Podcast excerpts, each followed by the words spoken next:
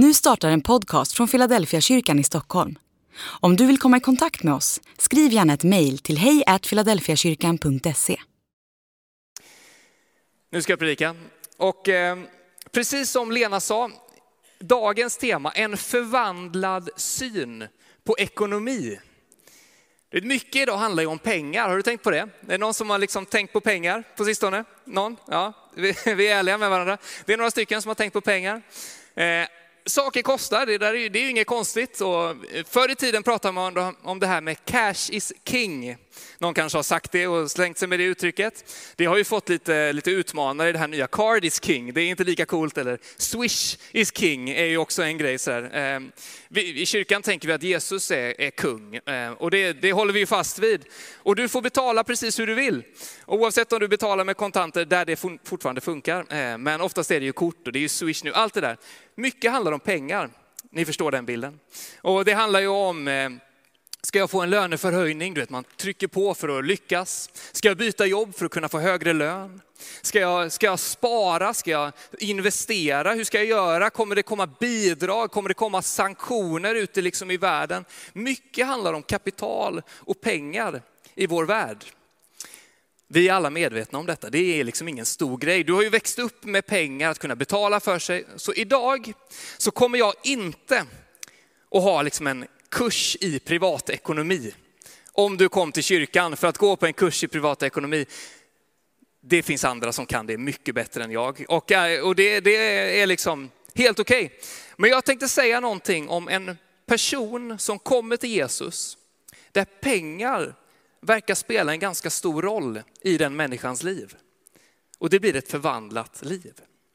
Så du får fortsätta eh, och spara och investera precis så som du vill, oavsett om det är liksom i aktier eller ISK eller fonder eller madrassen eller vad du än är. Liksom. Fortsätt göra det.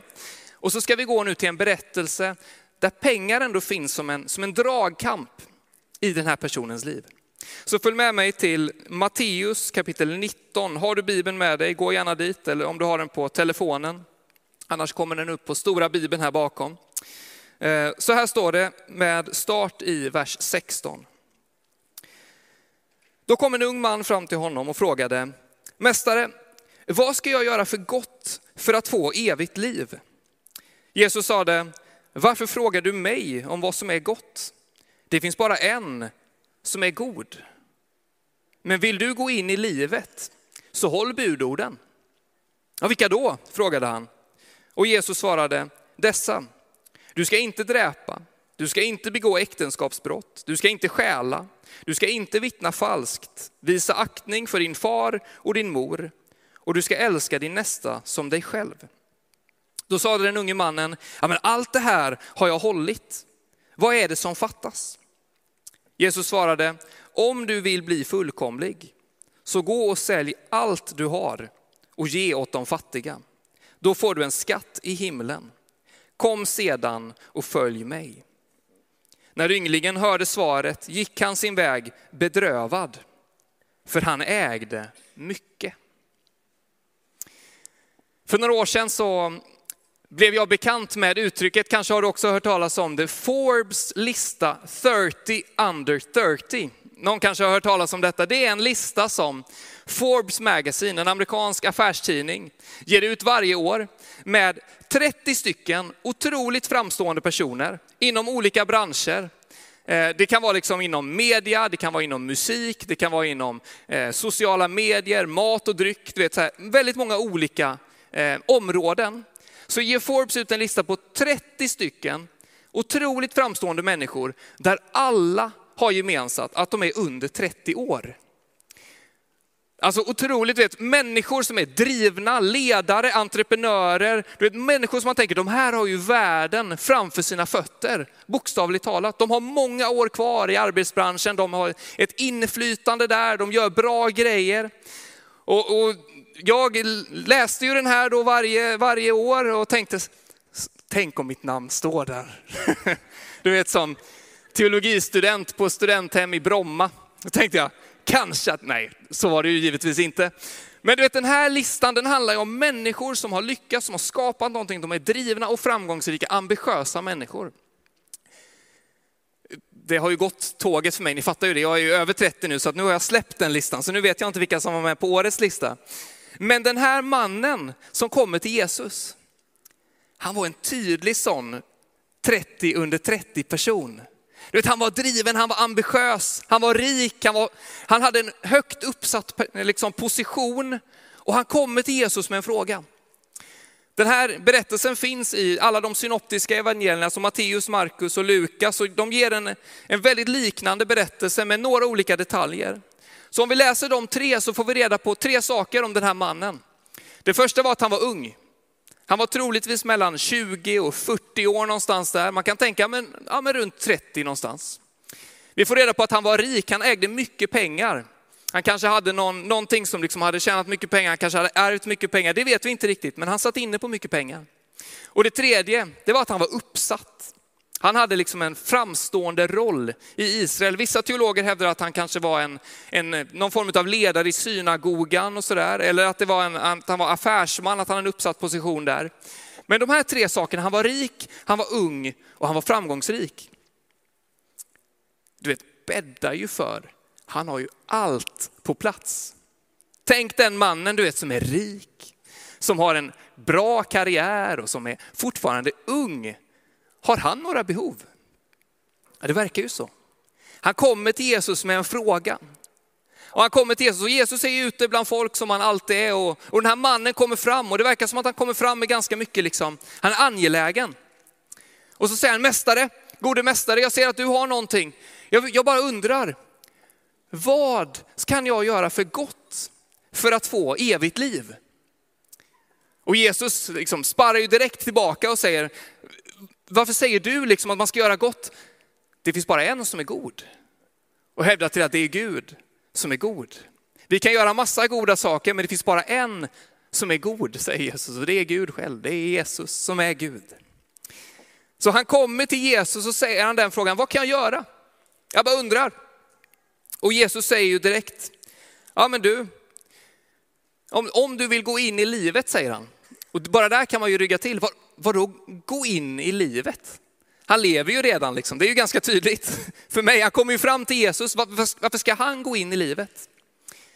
Men det verkar som att det liv som Jesus talar om med den här mannen, han säger det finns ett liv som du inte vet om, som är så mycket vackrare, som är så mycket liksom större, som är så mycket mer fantastiskt än det liv som du lever nu. Du kan gå in i det livet. Och hur gör man det då?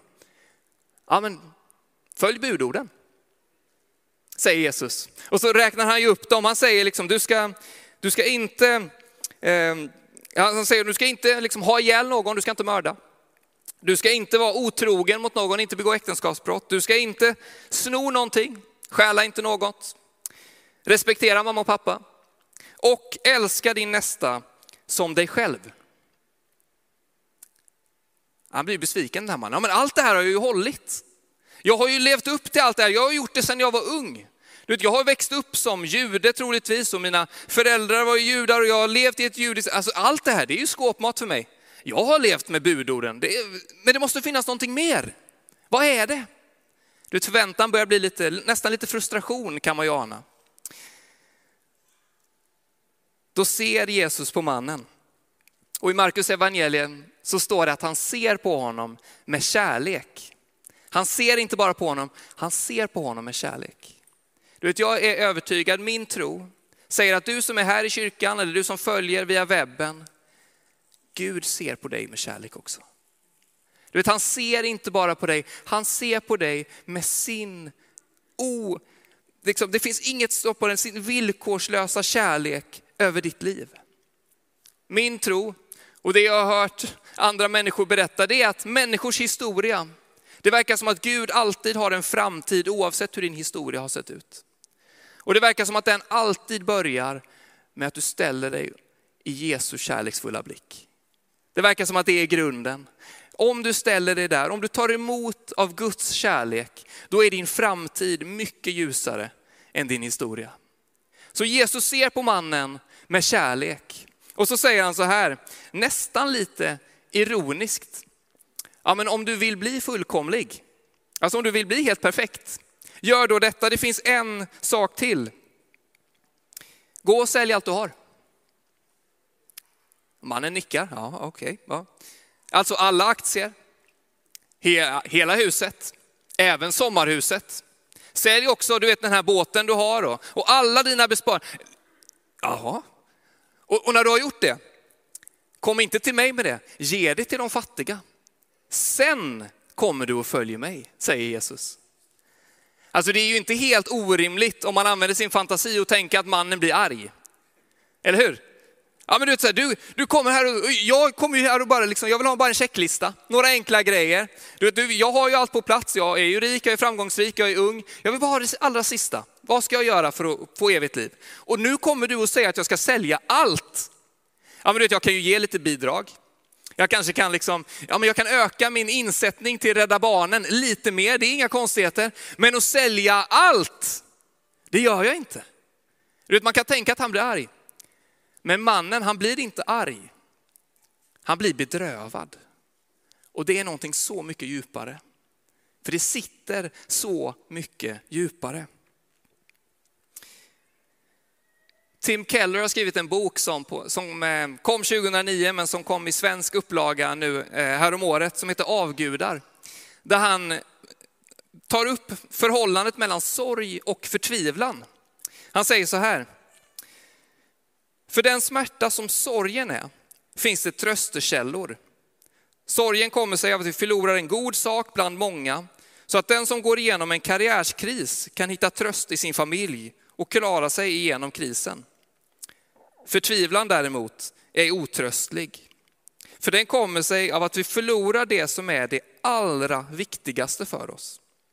När vi förlorar det sista, den sista källan till mening eller hopp, finns det inga andra källor att vända sig till. Då knäcks vi. Mannen, han lämnar Jesus. Jag tänker att han gör det förtvivlad. Han är bedrövad. Varför då? Jo, för han hade satt allt sitt hopp till karriären, till pengarna, till sitt inflytande. Och så bara tar Jesus bort allt det där. Det verkar inte som att det spelar någon roll för att få det eviga livet. Så mannen han lämnar bedrövad, förtvivlad. Han har tappat det som han satte sitt hopp till. Jesus fortsätter, det kommer upp på skärmen. Men Jesus sa det till sina lärjungar. Sannerligen, det är svårt för en rik att komma in i himmelriket. Ja, jag säger er, det är lättare för en kamel att komma igenom ett nålsöga än för en rik att komma in i Guds rike. När lärjungarna hörde det blev de bestörta och sade, men vem kan då bli räddad? Jesus såg på dem och sa, ja, för människor är det omöjligt, men för Gud är allting möjligt. Då sa Petrus, men vi har ju lämnat allt och följt dig. Hur blir det då för oss? Jesus svarade, sannerligen vid världens återfödelse, när människosonen sätter sig på härlighetens tron, ska också ni som har följt mig sitta på tolv troner och döma Israels tolv stammar. Var och en som för mitt namns skull har lämnat hus eller bröder eller systrar eller far eller mor eller barn eller åkrar ska få hundrafalt igen och ärva evigt liv. Många som är sist ska bli först och många som är först ska bli sist.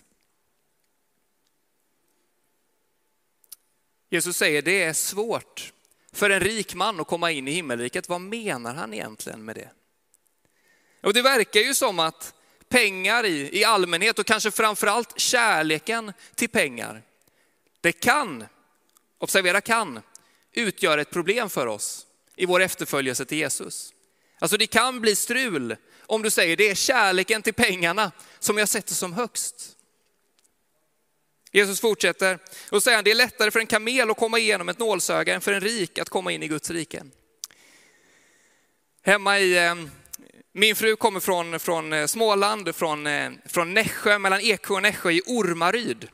Det är ingen metropol, men det är en fantastisk plats. Vi älskar att vara där på somrarna och på vintern och spendera tid med familjen. I Ormaryd så går tåget igenom. Det är det här krösa tåget som liksom swishar rakt igenom. Och ibland så händer det att det går igenom och då har man byggt upp, liksom, man, har, man har höjt upp tågbanan lite. Och så går den på en upphöjd bana och igenom det så har man byggt ett litet hål som inte är bredare än att i princip jag kan stå så här och, och liksom ta på vardera hörn här, eller på vardera vägg. smalt. Och så därigenom går liksom en liten grusstig igenom. Den kallas i Elins familj för nålsögat. Alltså det är tajt där. Och legenden säger att eh, Elins far, som tyvärr inte är ibland oss längre, Albert, att han gång på gång insisterade att ta familjens bil, alltså modell större, igenom nålsögat. Och inte bara köra långsamt, utan han skulle alltid köra snabbare. Jag eh, har ju aldrig liksom varit med om detta, så jag hör bara legenden. Men varje gång när vi är i Småland och vi går igenom där och man, man liksom vandrar igenom där från vårt hus till eh, den lilla kombinerade loppmarknaden och godisbutiken, då passerar man genom nålsögat. Och varje gång när vi ser den så vet jag vad Elin kommer säga. Från långt håll så tittar hon på mig och så säger hon, Anton du vet att, du vet att min pappa brukade köra bil igenom där, snabbt. Och varje gång så höjs min puls lite. Och så tänker jag, någon gång ska jag utföra mandomsprovet. Men inte idag. Och så går vi och så köper vi godis och sen vandrar vi tillbaka. Jag har fortfarande kvar att köra igenom nålsögat. Ni vet, det är tajt. Det är svårt att komma igenom och Jesus säger det. Han använder på något sätt den vanligaste, största djuret som man visste på den tiden, kamelen. Och så använder han det minsta och vanligaste verktyget på den tiden, alltså nålen. Och så säger han, det är svårt för dig att trycka igenom den här kamelen genom det här lilla, lilla, lilla hålet. Det är omöjligt. Det är det vi ska förstå. Det går inte. Alltså ingen rik man kan ta sig igenom Hur håller det ihop egentligen? Vad menar Jesus med det ordet? Och där kommer ju evangeliet så småningom. För, för lärjungarna, de blir ju helt, de är helt knäckta. De har ju sett den här mannen som var rik och framgångsrik och på utsidan verkade allt vara på plats. Om inte han kan komma in, vem kan då bli räddad liksom, säger de.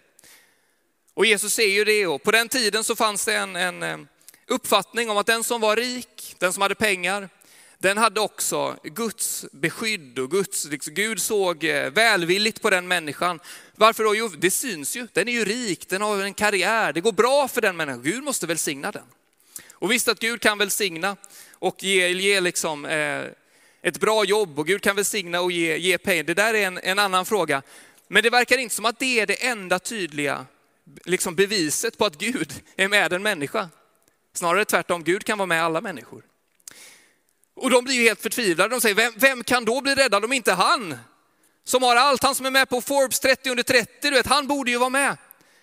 Men så säger Jesus, för människor, för människor är det omöjligt. Men för Gud, då är allting möjligt. Alltså vad är min första take på dig som tänker på pengar? Jo, du kan inte köpa dig in i ev till evigt liv. Det finns ingen inträdessumma för att komma in i Guds rike. Det är bara Jesus som kan välkomna en människa in i Guds rike. Du kan inte casha den liksom med dina egna pengar. För människor är det omöjligt. Men för Gud är allting möjligt.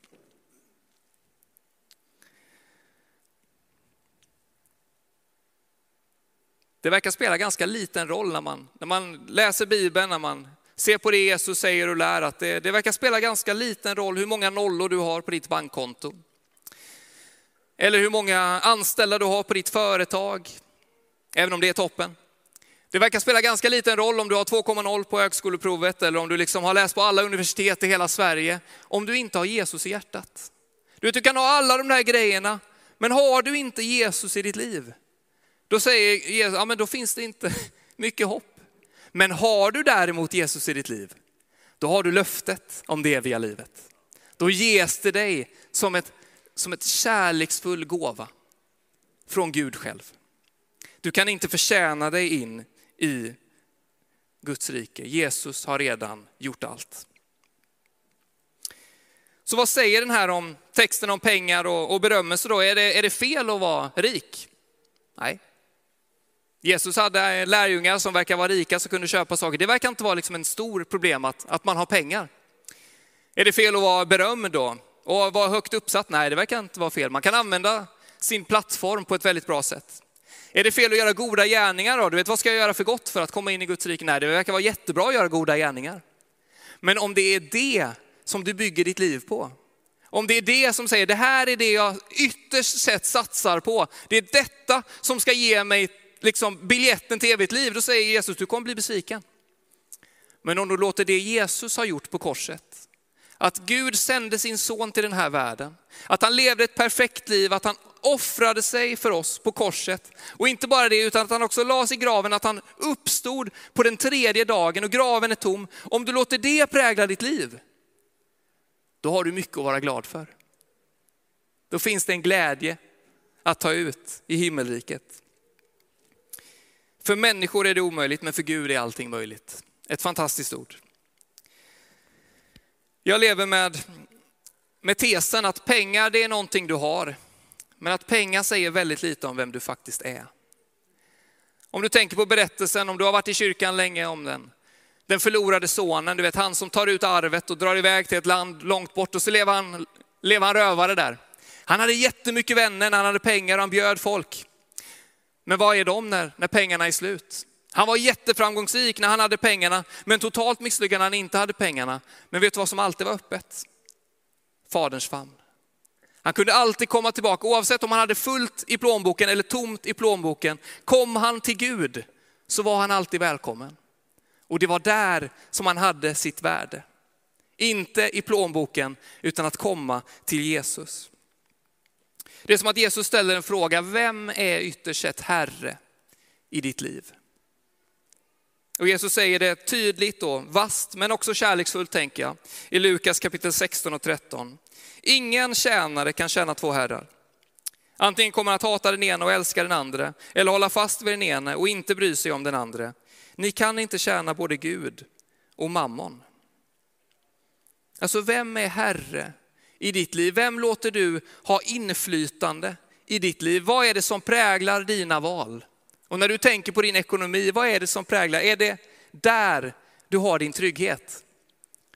Jag skulle önska att du tänker om och att du placerar den tryggheten i Guds famn istället. Är Jesus emot att man har pengar? Återigen, nej jag uppfattar inte det. Däremot om man bygger sitt liv på det, det är då det kan bli svajigt. Har ni sett den här? Är det någon som har funderat, när kommer han till frukten? Varför har han en frukt i en burk? Jag läste i tidningen att den smakar mycket bättre om man har... Nej, det är inte sant. Det finns en tanke med det. N.T. Wright, en eh, före detta biskop i Engelska kyrkan och framstående forskare i Nya Testamentet. Han har sagt att med pengar och som med många andra saker så är det som att man har en frukt i en, i en glasburk.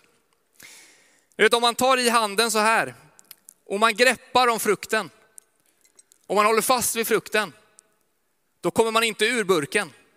Då sitter man fast. Det är, och så säger Antti Wright, det är många människor som går runt så här. De går runt och håller fast i pengarna, eller i karriären, eller i vad det nu än kan vara. Men så säger Antti Wright att du kan inte hålla fast vid detta och samtidigt uppleva sann befrielse och sann frihet. Den friheten, den fås bara av att jag släpper taget. Det är då jag kan bli fri. Kanske finns det någon här inne. Vi ska snart gå in i en stund av förbön och lovsång och du kommer kunna ge respons på detta. Kanske finns det någon här inne som håller fast vid något. Jag vet inte vad det är, det kan vara pengarna, det kan vara karriären, det kan vara en, en relation, det kan vara någonting och du bara inser, ja men jag är fast. Vad säger Bibeln, vad säger Jesus? När du släpper taget och inte låter detta vara grunden, utan när du släpper taget och låter Gud ta hand om detta, då kan du bli helt fri. Du kan inte tjäna två herrar. Du kan inte tjäna både liksom pengarna eller karriären eller vad det är och Gud. det verkar som att du måste välja.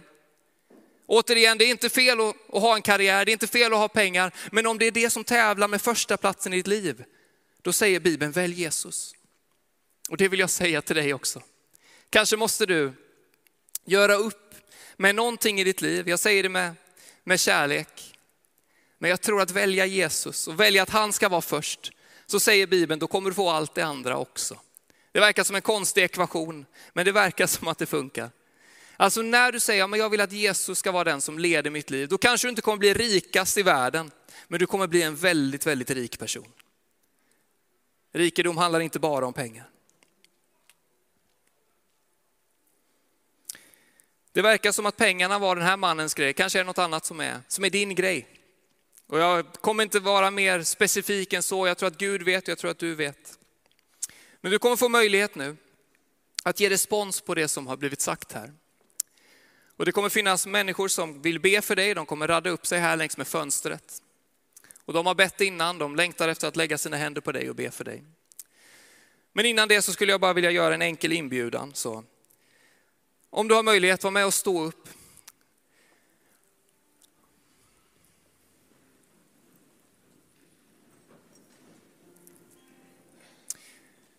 Och i respekt för varandra så ber jag att du böjer ditt huvud och, och blundar. Och så vill jag bara ge två stycken inbjudningar till dig. Den första, det är vad är det egentligen, vart söker du din trygghet? Vem är Herre i ditt liv? Vad är det du bygger på?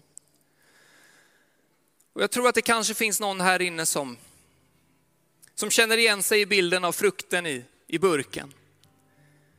Någonting som du behöver släppa taget om för att få uppleva frihet. Jag tror att du vet precis vad det är. Det är min första inbjudan. Du som säger, ja men jag måste släppa taget om det här för att istället få någonting helt annat, få Guds frid, få Guds kärlek, få leva ett fritt liv. Och min andra inbjudan det är till dig som vill ta emot Jesus för första gången. Så den första inbjudan, du som finns här som säger, ja men jag vet om att det finns saker som jag satsar på, saker som jag ibland håller fast vid lite för mycket, men jag önskar att släppa det idag. Och istället få ta emot av det Gud vill ge mig.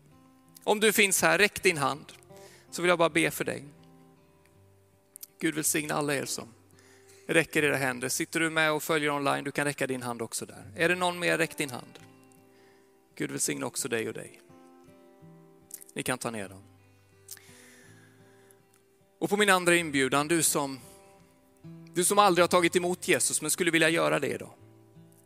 Jag hoppas att du har fått höra ett, ett budskap idag om att för människor, det verkar vara omöjligt att köpa sig in i Guds rike. Men tack vare det Jesus har gjort på korset så har vi alla tillträde. För människor är det omöjligt, men för Gud är allt möjligt. Det betyder att det är möjligt för dig idag. Så om du vill ta emot Jesus den här förmiddagen, låt honom få vara din frälsare, din Herre, få alla dina synder förlåtna. Då kan du räcka din hand och du kan göra det nu, så vill jag ta emot dig en enkel. Gud välsigne dig. Gud välsigne dig. Gud välsigne dig. Finns det någon mer? Räck din hand. Vi ber tillsammans. Käre Jesus. Herre, tack för din kärlek och barmhärtighet. Tack att du är rik på nåd, Herre. Herre, tack att du precis som den unge mannen ser på oss idag med kärlek. Och så säger du, vi vet att det är omöjligt för människor, men det verkar som att för dig Gud, då är allting möjligt och vi tror på det idag. Så Herre, jag vill börja med att be för dem som har räckt sin hand, som, som upplever, att jag måste släppa taget om någonting. Herre, jag ber att du ska hjälpa dem att släppa och få frihet, Herre. Den frihet som bara du kan ge. Här i Bibeln så står det att ni ska lära känna sanningen och sanningen ska göra er fria. Herre Jesus Kristus, vi bekänner att du är sanningen. Och när vi lär känna dig, då blir vi fria här. Och jag ber för de människorna just nu som, som kommer till dig och säger, ja men jag behöver frihet i, i just det här området. Du vet precis vad det är. Jag ber att du ska verka i de, de, de människornas liv, Herre. Så att de kan uppleva den djupa friheten som bara du kan ge, Herre. Och så ber jag för dem som har tagit emot dig den här förmiddagen. Herre, vi tackar dig för det beslutet. Tack att du kommer att leva med dem. Tack att alla deras synder är förlåtna. Tack att det är total skuldsanering. Tack att det är en hoppfull framtid. Herre, tack att du följer dem varje dag. Att du ger dem av din helige ande. Som är personlig med oss, som vet precis vad vi går igenom. Herre, tack Gud att du vet vad vi går igenom och du vet också att vi har en så ljus framtid. Tack för det beslutet. Tack att det är ett evigt beslut, Herre. Vi tackar dig för det. Och så ber vi för alla oss andra, Herre. Med alla våra skarvar och skavanker. Herre, vi ber att vi ska få komma till dig som är en perfekt och helig Gud. Och få ta emot av allt det du vill ge oss. Så möt oss nu när vi sjunger lovsång. Kom med din heliga Ande och verka i det här rummet. Vi ber så i Jesu namn. Amen.